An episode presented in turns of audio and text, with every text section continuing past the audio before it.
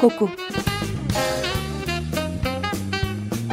Kokudan gelen ve kokuya giden şeylerin tartışıldığı program.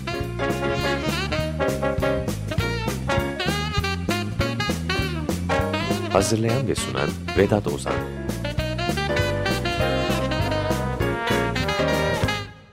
Merhaba ben Vedat Ozan. Bir koku programına daha hoş geldiniz. Rockenfeld Almanya'da Bonn'un hemen altında bir bölge. Bu bölgeden fırsatlar ülkesi Amerika'ya göç eden bir aile var. Ana vatanlarının ismini de soyadlarında taşıyor bu aile ve biraz Amerikanize edilmiş şekliyle Rockenfeld değil de Rockefeller diye tanıyoruz biz bu muhteremleri. Aile bireylerinin en ünlüsü onları tanımamıza sebep olan devasa servetin tohumlarını atan hatta tohumu attıktan sonra da hayattayken o tohumların meyvelerini de keyifle toplayan bütün zamanların en zengin insanı John D. Rockefeller. Tarihin ilk dolar milyarderi diye de geçiyor John D. Rockefeller'ın adı. 1839 doğumlu Rockefeller çok sert bir babanın eğitimiyle büyüyor. Daha doğrusu babası aynen şöyle diyor. Çocuklarımı her fırsatta kazıklarım çünkü hayatta sert olmayı öğrenmelerini istiyorum. Muhasebecilik, ufak ufak gıda toplancılığı falan gibi işler derken John Rockefeller 1863 yılında bir küçük petrol rafinerisi kuruyor ortaklarıyla beraber. Petrolün yakıt olarak önemi henüz yeni yeni anlaşılmaya başlanmış durumda ve dönemin pek çok ünlü yatırımcısı riskli gördükleri bu alana girmeye cesaret bile edemiyorlar. Oysa mesela aydınlanmak için kandillerde kullanılan balina yağını elde etmek gittikçe zorlaşıyor. Üstelik petrol sadece kandil yakmak için değil pek çok farklı alanda enerji kaynağı olarak kullanılabiliyor. Rafinerileri küçük ve daha büyük bir rafineriye taşeron olarak çalışıyor başlarda. İç savaş yılları Amerika'da bu dönemler. Abisi Frank savaşa gitmesine rağmen John orduya katılmayıp yerine başkasını gönderiyor ve ayrıca bütçesi yettiğince kuzey ordularına maddi destek vererek kan borcunu parayla ödüyor.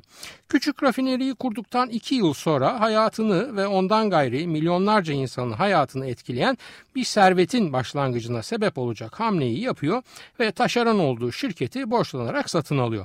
Bundan sonra gerek saldırgan iş anlayışı, gerek o dönemde demiryolu ağının gelişmesinin avantajları, gerekse sürekli borçlanarak varlığını büyütmesiyle beraber Standard Oil isimli petrol devinin kurulmasına varıyor yaşam macerası. İş ahlakında olmadığı söylenen ne varsa yapıyor. Rakipleriyle gizli fiyat anlaşmaları yapmak, demir yollarını tehdit ederek mallarını ucuza taşıtmak, dişli görünen rakiplerini araya adam sokarak satın almak ve tabii ki eğer iş yerlerinde grev varsa bunları da silahlı adamlar vasıtasıyla en kanlı şekilde bastırmak John D. Rockefeller için olağan hadiseler oluyor. 1872'de 4 ay gibi kısa bir süre içinde Cleveland, Ohio'daki 26 rakip şirketin 22'sinin sahibi oluyor. Ardından kafayı tren yolu şirketlerine takarak Pennsylvania demiryolu şirketini iflas ettiriyor. Kasırga gibi yani muhterem ve önünde engel tanımıyor ne pahasına olursa olsun. 1882'de şirketler şirketi diyebileceğimiz Standard Oil Trust veya Trust'ünü kurarak gerek Amerika gerekse dünya petrolünün %80'ini hatta kısa bir dönem için dahi olsa bir ara %90'ını kontrol eden bir kurumsal varlığın başına oturuyor.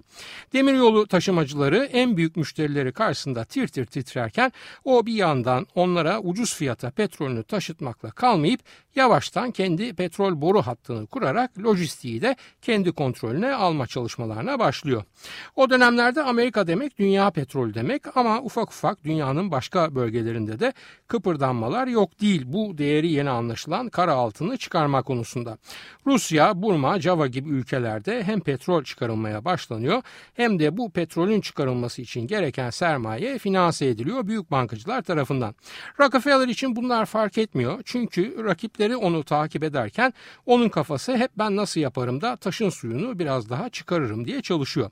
Misal petrol boru hattındaki depolu petrolün sigorta belgelerini ayrı bir menkul değer olarak piyasaya sürüyor ki bunu da ileriye dönük petrol anlaşmaları pazarını oluşturması izliyor. Bütün bunlar olurken izlediği ahlak dışı yollarda yavaş yavaş kamuoyunun dikkatini çekmeye başlıyor elbette. Araştırmacı gazeteciliğin annesi diyebileceğimiz Ida Tarbell önce çalıştığı dergide 19 tefrika halinde yayınladığı daha sonra kitaba dönüştürdüğü Standard Oil'in Tarihi isimli çalışmasıyla Rockefeller'ın ipliğini pazara çıkarıyor. Kamuoyu önünde uğradığı itibar kaybından sonra Rockefeller Standard Oil Trust'u dağıtarak yerine bütün şirketleri kontrol eden bir başka şirket Standard Oil Holding'i kuruyor. Bugün her köşe başında holding tabelası görüyor olabilirsiniz ama bir şirketin çatı konumunda diğer şirketlerin varlıklarını kontrol etmesi, aktif ve pasifleriyle oynayarak vergi geciktirmesi falan gibi küçük numaralar o zamanlar için çok çok yeni olaylar. Ancak bütün bunlar olurken 1890 tarihli bir yasa Sherman Antitrust yasası nedense hep akıldan çıkıyor. Bu yasaya göre eyaletler arasında tekel ve trust oluşturacak şirket oluşumuna müsaade edilmemesi gerek. Uzun süre bu yasanın uygulanmasını engelliyor muhtelif şekillerde Rockefeller ancak Ida Terbell'in kitabının da açtığı karambol sırasında olan oluyor ve Rockefeller'ın Standard Oil Holding'i bu yasaya takılı veriyor. Bu yasaya takıldığı anda holding ham petrol pazarının %14'ünü, rafine petrol pazarının ise %70'ini kontrol eder durumda. İnanılmaz rakamlar bunlar siz de takdir ederseniz. Neyse zenginin parası züğürdün çenesini yormasın biz devam edelim. Yasaya göre Standard Oil Holding tekel oluşturduğu için parçalanıyor ve nispi olarak daha küçük bağımsız şirketlere bölünüyor. Parçalanıyor ama tabii ki Rockefeller ve diğer hissedarlar parçalanma sonucu oluşturulan bağımsız şirketlerde eski şirketteki hisselerine orantılı hisse sahibi oluyorlar. Peki Standard Oil'ın parçalanmasından hangi şirketler doğuyor veya Standart Ana'nın bebekleri kimler? 34 şirketin hepsini sayıp vaktinizi almayayım. Sadece önde gelenlerin isimlerini söyleyeyim. O isimler zaten size olayın büyüklüğü hakkında fikir verir. Standard Oil'in bebeklerinin önde gelenleri şu şirketler oluyor.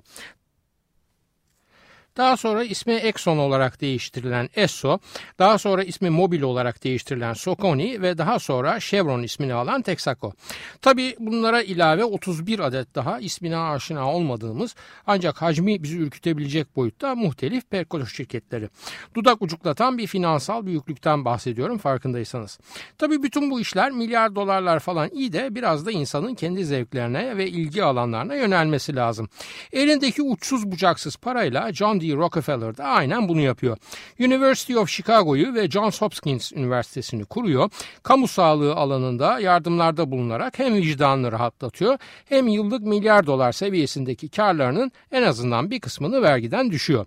John D. Rockefeller'ın bir de oğlu var. En az kendi kadar acımasız olduğu söylenen. Onun adı da John D. Rockefeller ama sonunda bir JR eki var. Junior veya JR deniyor ona. Zaten babayla oğlu ayırmak için genelde Senior ve Junior Rockefeller tanımları kullanılıyor. Junior'da benzer metotlarla özellikle kanlı grev kırıcılıkları falan yaparak piyasaları ve kamusal hayatı kurcalamaya devam ediyor. Bunları yaparak da maden, kömür, petrol alanında pek çok şirketin sahibi oluyor. İlerleyen yıllarda JP Morgan Bankası'nın da en büyük hissedarı oluyor tabii. Yani armut ağacının dibine düşüyor fakat hayır uğruna para dağıtma olayında Junior babasının önüne geçiyor ve yaşamı boyunca dağıttığı kar amaçlı olmayan hayır fonları toplamının 540 milyon dolara ulaştığı söyleniyor. Oğul Rockefeller yani Rockefeller Jr.'ın bir de hayırsever eşi var. Abby yani Abigail Aldrich Rockefeller. Gayet kültürlü bir hanım Abby Hanım. İngiliz dili ve edebiyatı eğitimine ilave olarak Fransızca, Almanca, sanat tarihi, jimnastik ve dans eğitimleri almış. Hayatı boyunca Asya ve Avrupa'yı dolaşıp durmuş sanat aşığı bir bayan yani.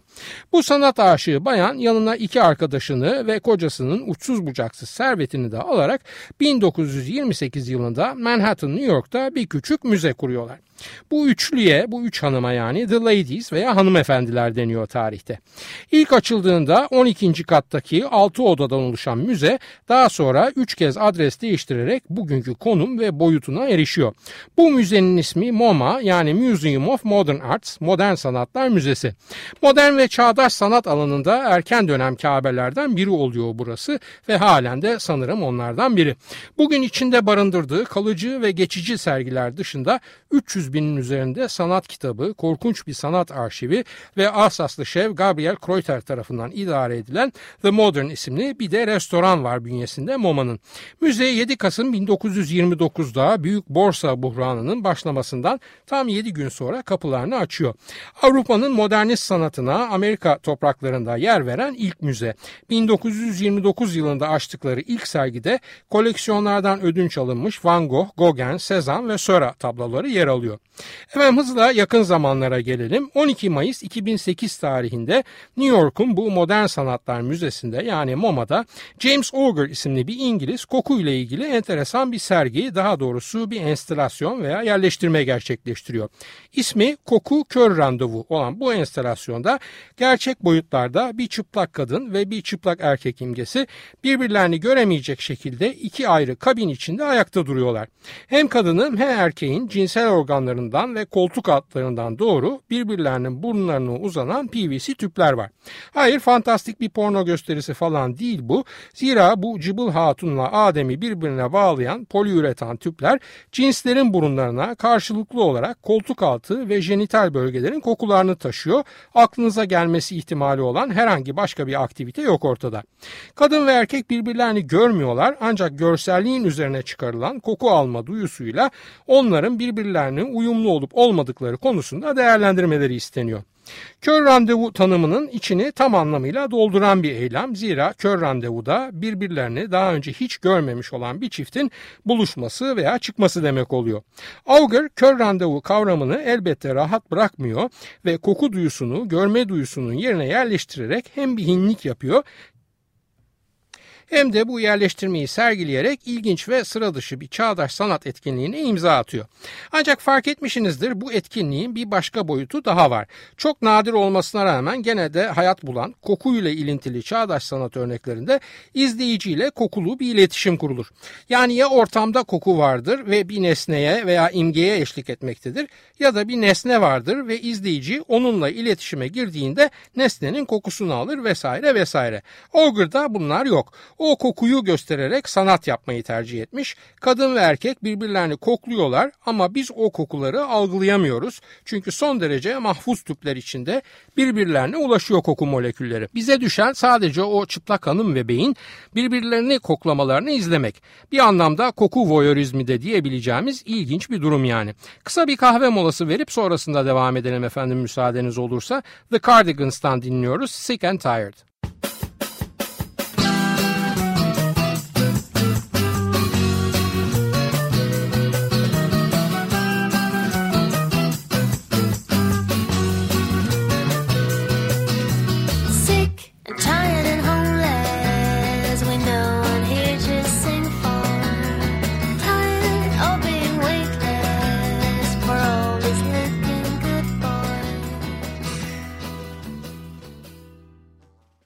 Radyolarını yeni açanlar için hatırlatıyorum. Açık Radyo 94.9 Koku programındayız. Ben Vedat Ozan.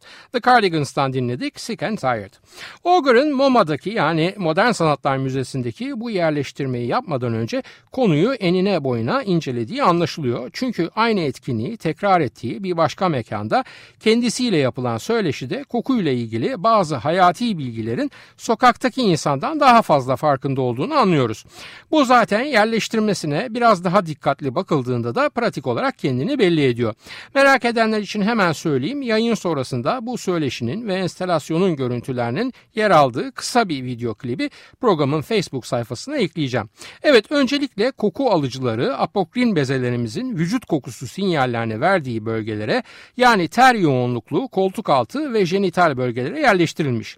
Ayrıca bu koku alıcıları vantuz benzeri silikon birer kapla bu bölgelere yapışmış durumda. Bu tesadüfi veya görsellik düşünülerek yapılmış bir seçim değil, Auger bu bezelerden yayılan moleküllerin anılan bölgelerde okside olma ihtimalini de ve okside olmuş bu kokunun koklayana itilici geleceğini de biliyor ve bunun için koku kaynağına silikon bir vantuzla erişim sağlıyor. Daha önce anlatmıştım kısaca hemen tekrar edeyim. Ter aslında kokusuz bir sıvı. Onu kokutan havayla teması sırasında vücudumuzdaki bakterilerle ilişkiye girmesi. Auger hava temasını en aza indirerek bunun önüne geçmeye saf vücut kokusunu yakalamaya çalışıyor bu aparatla. Peki birbirini görmeyen iki insanın birbirleriyle ilişkiye girebilecek yakınlıkta beraberliğe adım atmalarını sadece koku duyusu sağlayabilir mi? Bunun cevabını soruyu tersine çevirerek vermek gerekiyor. Görsel kodların bu denli yoğun bombardımanı ve bize belletilmiş ancak her 10 yılda bir değişen evrensel güzellik kodlarını düşünürsek görmeden koklayarak eş seçmek uzak bir fantazi gibi geliyor. Yani diyelim ki ki Auger'ın kadını ve erkeği birbirlerini görmeden kokularından hoşlandılar. Ancak o görüntüyü engelleyen ara bölme kaldırılıp yüz yüze geldiklerinde hiç de tipim değil konumunda buluverdiler kendilerini. Bu elbette olabilir. Zaten kokunun iddiası veya varlık sebebi bu değil. Nedir kokunun varlık sebebi? Öncelikle bir uyaran olması. Neyin uyaranı? Tehlikeli olabilecek, uyumsuz kalabilecek, dolayısıyla istenmesi türün devamı açısından yararlı olmayan durumların uyaranı. Bu anlamda söylediklerimi şu şekilde toplayabiliriz. Koku bilinçaltımıza fiziksel sinyaller yollayarak bizi kimi eş seçeceğimize yönlendirmekten ziyade kimi seçmeyeceğimiz konusunda uyarır. Bunun temelinde de farklı gen yapısına sahip cinslerin bir araya gelerek daha zengin ve bağışık bir nesil üretmeleri amacı yatar. Gen yapımızın vücudumuzun bağışıklık sisteminin kimlik belgesi olduğunu lütfen unutmayalım. Bağışıklığımız ne kadar güçlü ve çok yönlüyse hayatta kalma olasılığımız da o kadar artıyor. Gen yapımıza ilişkin sinyalleri dış dünyaya nereden veriyor vücudumuz? Elbette vücut kokumuzdan. Bu ilkel sinyal yönteminin ötesinde gen ve bağışıklığa ilişkin bilgi edinmek istiyorsak bir laboratuvarın kapısını çalmamız gerekiyor. E varlığı sürdürebilmenin kodlanmış bilgilerini vücudumuzun kokusunda taşıdığımızı bildiğimize göre laboratuvar analizi yapmadan bizimle aynı gen yapısında yani aslında bizimle uyumsuz ve bir sonraki nesli zenginleştirmeyecek bir partner konusunda kokunun kendisinden başka uyaracak ne kalıyor bize?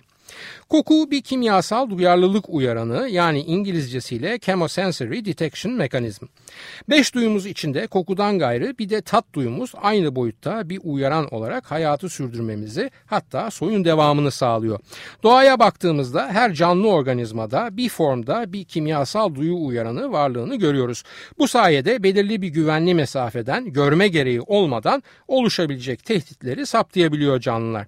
Karşıdan karşıya geçerken hemen o köşeden süratle çıkacak arabanın altında kalmayacağıma dair koku beni nasıl uyarabilir diye bir soru gelebilir aklınıza. Unutmayın ben doğadan bahsediyorum ve o çıkacak araba doğanın bir parçası olmaktan ziyade insanoğlunun doğaya müdahalesinin bir simgesi. Siz bir geyik olsaydınız ve arabanın yerine de bir aslan koysaydık o zaman bu doğal rakipler arasındaki uyaran olma görevini gayet rahatlıkla yerine getirebilecekti koku. Koku duyumuz kontrolümüzü kaybettiğimiz bir duyu. Nefes almadan duramayız ve her nefes alışımızda teknik olarak koklamak anlamına geliyor. Kokladığımızın bilince dayalı yorumunu yapamadan duygusal tepkilerimiz oluşuyor kokuyla ilgili. Yani bir insanın kokusunu belli belirsiz hissettiğimizde ona karşı bir itki hali hissediyorsak bu adı üstünde bir his. Dolayısıyla bilincin süzgecinden geçmemiş, sansürlenmemiş, saf ve pürüzsüz bir sinyal. Bunun tam karşısında aynen her nefes alışta koku aldığımız gibi her bulunduğumuz ortamda koku da yayıyoruz. Vücudumuzdan yayılan bu koku molekülleri gerek gen yapımız gibi halının altına saklanmış bilgileri gerek ne yediğimiz veya ne zaman neyle yıkandığımıza ilişkin verileri yayıyor bulunduğumuz ortama. Bu yayılımın tam karşısında yer alan filtresiz duygu durum algısı da zaten zurnanın zırt dediği yer oluyor. Bütün bunları biliyor muyuz? Eğer meraklıysak ve araştırmışsak biliyoruz ama onun ötesinde en kolay vazgeçilebilen duyumuz olmanın ilerisine geçemiyor koku duyumuz. Bunu da 18 ve 19. yüzyılda gerek bilim adamları gerekse filozoflar tarafından duyuların hiyerarşisinin yeniden elden geçirilmesinden sebep yaşıyoruz. Yani buna göre koku ilkel hayvani ve dolayısıyla aşağı düzeyde bir duygudur. Esas olan görmek ve işitmektir. Modern zamanlarda yapılan onlarca araştırma bunun tam aksini gösterse de görsellik ve işitsellik üzerine inşa edilmiş trilyonlarca dolarlık endüstrileri düşünerek bu basit ve arkaik gerçeğin yaygınlaşması konusunda fazla da ümit var olmamamız gerekiyor. Hal böyle olunca ne oluyor? İlkel Desana kabilesinde vakayı adiye yani sıradan olay sayılan kokuya göre eş seçme, daha doğrusu kokuya göre yanlış eş seçmeme hali bizim toplumumuzda ancak bir sanat eseri, çağdaş sanat eseri içinde haliyle marjinal bir boyutta ifade bulabiliyor. Peki koku sanatsal ifade için bir medya, bir ortam olabilir mi? Çağdaş sanatlar alanında bu kulvarda gördüğümüz örnekler sanatın içinde burnumuzu uyararak pek çok deneysel durumun oluşturulabileceğini ve sanatın sınırlarının tahminlerimizden de geniş olduğunu gösteriyor. Sanat ve koku arasındaki ilişki ise özellikle 20. yüzyılın avantgard akımları, dadaizm, sürrealizm ve fütürizmle birlikte yoğunlaşıyor. Fütürizmin öncüsü ve fütürist manifestoyu Le Figaro'nun ön sayfasında yayınlayan yayınlayan Filippo Marinetti kafasında yeni bir sanat akımına dair fikirlerin doğmasını geçirdiği bir trafik kazasında ortama yayılan benzin kokusuna bağlıyor. Biraz zamanda ilerlediğimizde her ne kadar 20. yüzyılın ikinci yarısında televizyon ve sinema alanındaki gelişmeler dolayısıyla görselliğin sanata yansımasının yoğunluğu artmış olsa bile bu evrensel sanat dünyasına batılıların dışında da sanatçıların dahil olması, sanatsal alanın genişlemesi ve insan vücudunun sanatçılar tarafından bir ifade aracına dönüştürülme çabaları gene bu dönemde feminist hareketteki yükselme hem daha önce bilinmezden gelinen duyuların önünü açıyor hem de stereotip sanatsal ifadeleri tahtından indirmeye çalışılıyor. Sonuçta gelinen yerde kokusal sanat veya İngilizcesiyle olfactory art diye bir kavram çıkıyor ortaya. Kokusal sanat aslında sanatı üretenlerin bilerek yani taammüden ifadenin içine bir başka insan duyusunu yani kokuyu dahil etmeleri demek. Çağdaş sanatların disiplinler arası yenilikçi ve estetik yaklaşımları görselliğin kışkırtamayacağı uzaklıkta karmaşık bir doğa, kültür ve insanlar arası etkileşim dünyasının kapısını açıyor bu sayede. Hafıza, algı ve kokunun karmaşık birlikteliğine kafa yoran pek çok sanat üreticisi yavaş yavaş kokusal sanatında ciddi bir kategori olarak değerlendirilmesi gerçeğinin eğreti halde kapalı tutulan kapısını zorlamaya başlıyor. Bazı sanatçılar için kokulu malzemeler hem ilkel bir duyunun uyarılmasını sağlıyorlar hem de spiritüel bir sembolizm gerçekleştiriyorlar. Joseph Beuys şu aykırı Alman muhterem mesela 1965'te gerçekleştirdiği bir performansta çürüyen malzeme yani çamur, hayvan yağı, kan, mum ve bal kullanarak irkilten ve tiksindiren bir koku elde ediyor ve bu koku aracılığıyla ölüm ve transformasyonla ilgili politik ve filozofik fikirler arasında bir bağ kuruyor. Aynı yıl Fluxus akımından Japon sanatçı Takako Saito koku satrancı diye bir iş üretiyor. Satranç piyonları baharat dolu koku şişeleriyle değiştirilmiş durumda ve oynayanlar ne oynayacaklarına karar vermeden şişeyi alıp koklamak durumundalar. Yani klasik satranç oyunundan farklı olarak koku en önemli karar verme faktörlerinden biri oluyor oyunun ilerleyebilmesi için. Uçtan uca devam ediyor sembolizmler ve 1972'de Judy Chicago'nun Menstruasyon Banyosu adlı işine geldiğimizde burada kullanılan kan kokusunun aslında bize kadın vücudu hijyeni ve adet dönemine ilişkin sorular sordurmayı amaçladığını görüyoruz. Menstruasyon banyosu veya orijinal adıyla Menstruation Bathroom'da bir banyo içindeyiz ve dolaplarda kullanılmamış hijyen pet kutuları dururken çöp kutusunda da kullanılmış olanları yerleştirilmiş vaziyette. Hatta çöp kutusu dolup taşmış dolayısıyla kullanılmış hijyen petler bembeyaz fayansların üzerine kıpkırmızı saçılmış durumdalar. Bu görüntüye de kan kokusu eşlik ediyor. Şimdi burada özellikle kadın izleyici tarafından yaşanan rahatsızlık deneyimine kokunun nasıl güçlü bir katkı yaptığını görmezden gelebilir miyiz? Sanatçı da zaten bu güçlü etkiyi amaçlıyor ve diyor ki kadın kendi adet dönemini nasıl algılıyor ve yargılıyorsa bu yerleştirmeyi gördüğünde oluşan duyguları veya tepkileri de bu kendi adet dönemine ilişkin yargısına koşut olarak yani paralel olarak gerçekleşir. Doğal buluyorsa bunu da doğal karşılar, utanıyorsa burada da utanır hatta yerin dibine geçer. Sadece genel olarak olumsuz kabul edilen kokular değil tabii olfactory art yani kokusal sanat başlığı altında kullanılanlar. Üstelik sadece yurt dışında olmuyor bu olanlar. Uzağa da gitmeden bizden bir örnek verelim. Geçen yıl Melis Ağzat'ın Tophane Outlet'te gerçekleştirdiği bir yaz günü öğleden sonra isimli etkinliğinde ortamda mevcut video işleri ve porselen çalışmalarına eşlik ederek toplam işin bir bileşeni olarak yer alan hatta belki de eşlik etmenin de ötesinde izleyenin duygu durumu üzerinde esas tanımlayıcı olan o belli belirsiz incir kokusu. Yani Melis Azat'ın Büyükada günleri üzerine oluşmuş algısını üçüncü ve soyut bir boyuta geçirerek bizimle güçlü bir şekilde paylaşan kimyasal duyu uyaranı. Hülasa artık sanatçılar öyle veya böyle belirli bir kokusal uyarıyı kullanarak insanları anlamların daha derin algılandığı bir yere göndermeye yetkin olduklarını fark ediyorlar. Anlamların daha derin algılandığı bu yere ulaşmak için lisan gerekmiyor. Çünkü duygular salt görsellik veya salt sözellikle dire getirilmediklerinde duygu olma vasıflarından bir şey kaybetmiş olmuyorlar. Sanatçılar bunu fark ediyorlar ve belki artık sıra bizim de bu gerçeği fark etmemize geldi. Haftaya bir başka kokuda buluşmak üzere şimdilik hoşçakalın diyorum efendim. Soru, öneri, eleştirileriniz için e-posta adresimizi hatırlatıyorum. kokuprogrami.yahoo.com Yayınlarımızda adı geçen konulara ilişkin görselleri her zaman olduğu gibi az sonra facebook.com Taksim Vedat Ozan Koku adresinde de görebilir. Soru ve yorumlarınızı oraya da yazabilirsiniz. Ben Vedat Ozan, radyonuz kokusuz kalmasın sevgilerimle.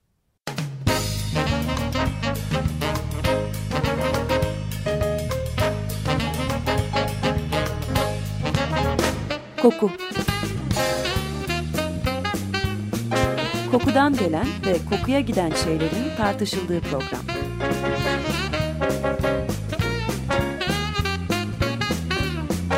Hazırlayan ve sunan Vedat Ozan